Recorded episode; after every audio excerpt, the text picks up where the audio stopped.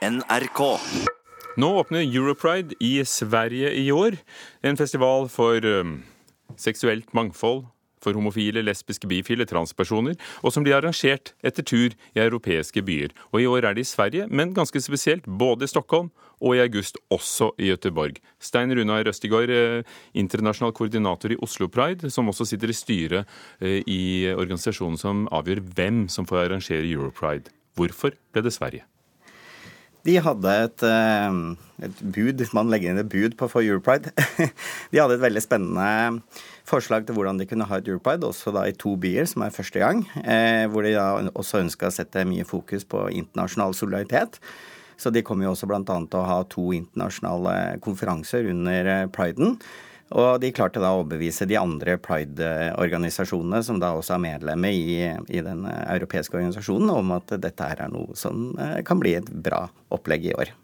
Oslo arrangerte i 2005 og 2014, det har vært i København. Og, og dette blir jo store arrangementer som trekker mange folk. Øh, til Oslo har det vært arrangert egne cruise med, med danskebåten. Og, og som blir veldig samlende. Når det skjer i to byer, Stockholm og Göteborg, i to forskjellige omganger, eh, risikerer ikke det å vanne ut festivalen litt?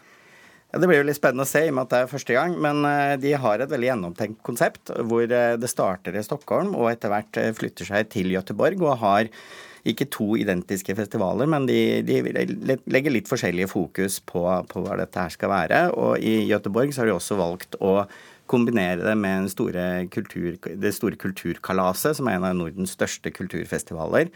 Så Göteborg blir også kjempestort arrangement i 18. august. Hvor har det vært mest utfordrende å arrangere Europride? Eh, det var jo en barriere som ble brutt da Europride for første gang var i et tidlig kommunistisk land i Warszawa i 2010. Og vi ser jo at eh, et sånn type arrangement blir veldig annerledes enn når det er i en type by som Stockholm, hvor det starter i dag. Og sist var det jo også da i Riga i 2015. Og vi ser jo det at det å få det internasjonale fokuset i, til land hvor det ganske ja, ganske annen hverdag da, enn det vi ser her, både politisk og i allmennheten. Det gjør at det løfter fokuset og også er med å bedre situasjonen i de landene.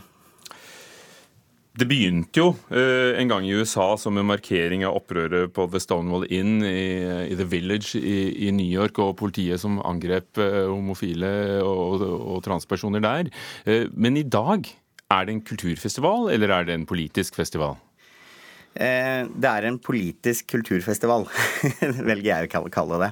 Det er en viktig politisk markering fordi det skaper alltid en egen dynamikk rundt priden når det gjelder både å sette fokus på eh, dagsaktuelle temaer, for det, det kommer hele tida nye ting, og det er alltid nye dører som må åpnes.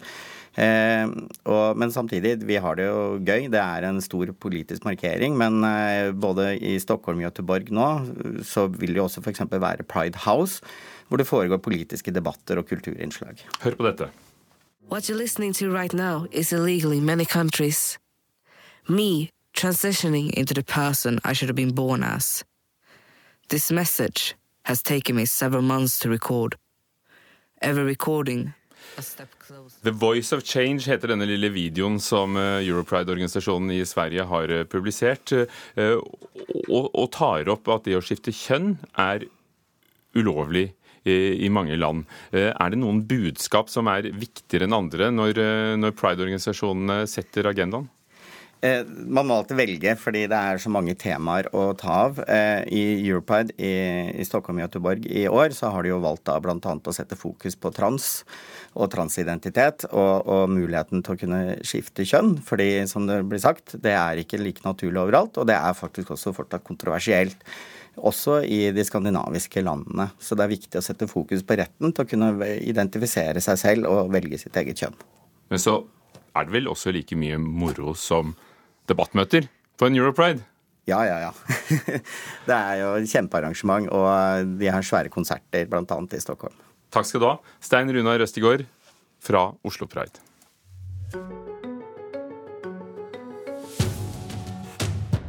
Da skal det handle om kultur her i Nyhetsmorgen. En hittil upublisert kapittel fra biografien til den amerikanske borgerrettighetsforkjemperen Malcolm X har kommet til rette. Det har vært et mysterium i lang tid hvor det har befunnet seg, ikke sant? Kulturreporter Thomas Alvarstein Ove. Ja, for uh, siden uh, Malcolm X ble skutt og drept i 1965, så har det versert rykter om at det fantes uh, deler som var utelatt fra biografien hans, som skulle inneholde noen av de mest reaksjonære tankene han hadde.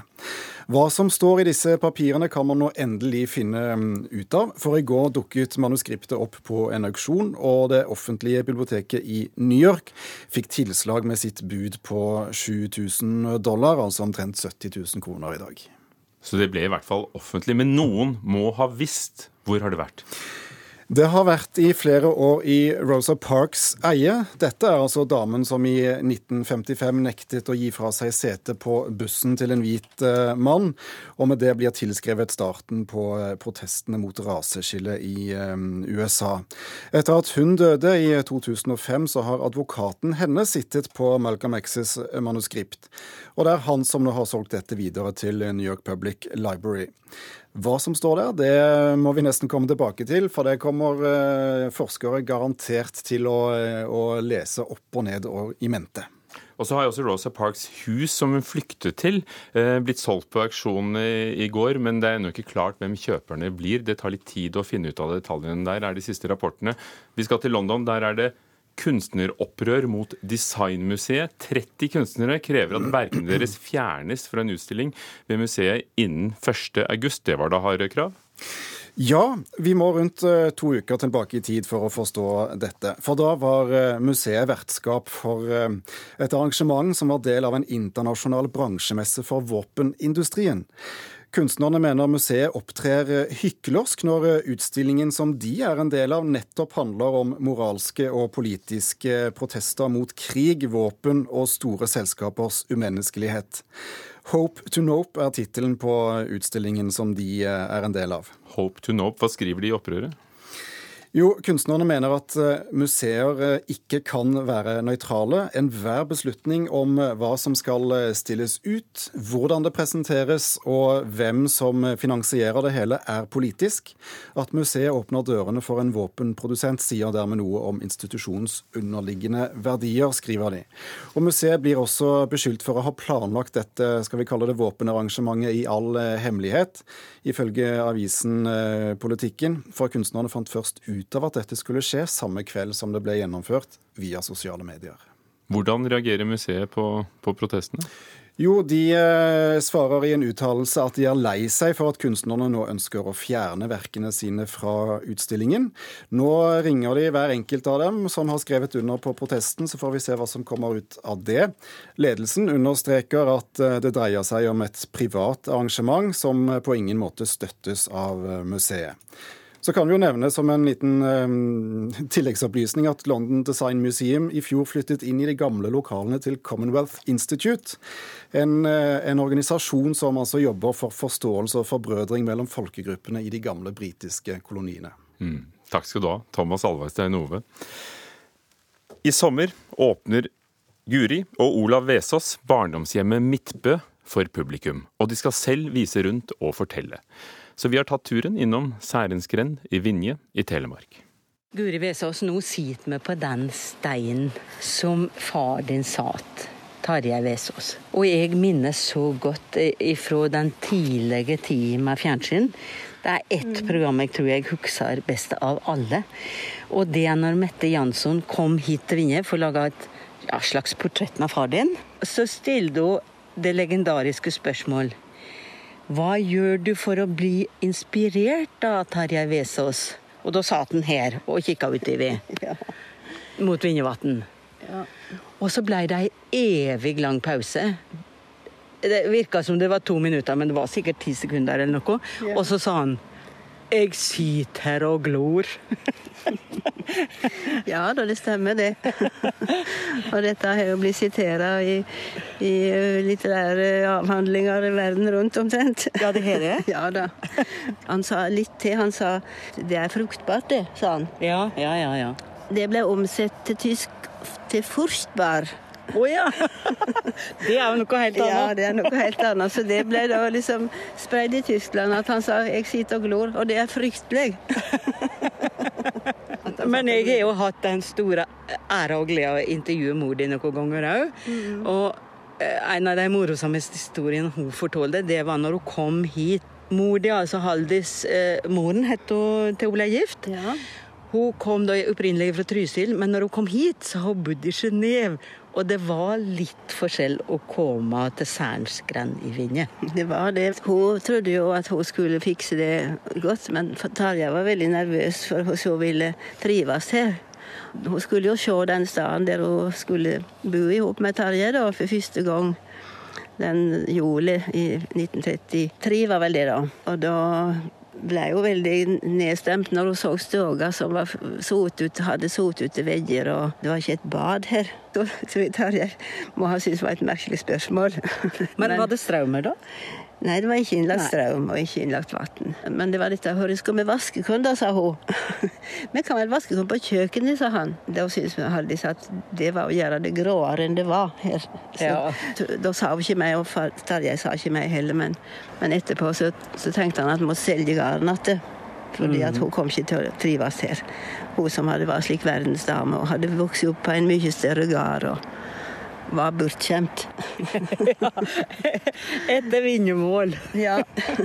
Når det nå viser rundt slik her, hva er det folk spør om? Ja, de spør jo hvordan var det å være unger til slike berømte foreldre. Det er et spørsmål.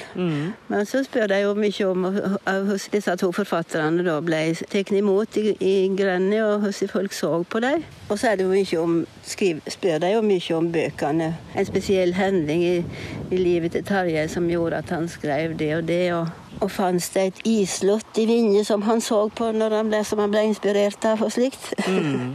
og, og så må jeg Men det var da mye større ved det vannet som Mattis rodde på.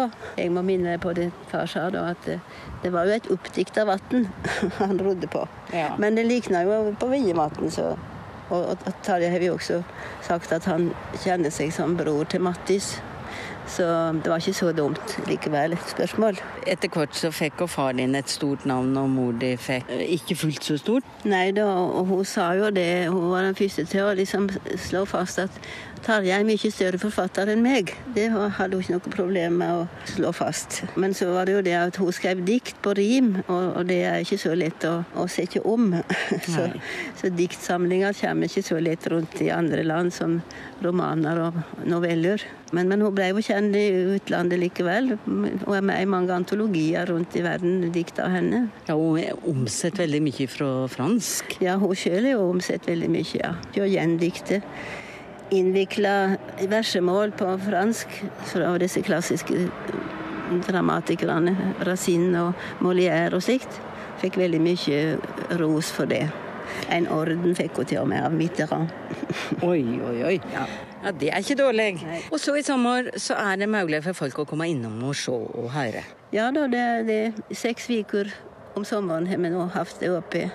Og det har vi tenkt skal holde fram. Mellom tolv og fem om dagen, bare, bare stengt på måndager. Slik Ja. som det hinner. Så det er bare å komme. Vi er veldig glade for besøk, og dere må ikke ha greie på litteratur for å komme. Det er veldig mye å snakke om her, og, og ofte så får vi vite like mye av de som kommer, som, som de får vite av oss. Guri Vesaas til reporter Anne Langvik.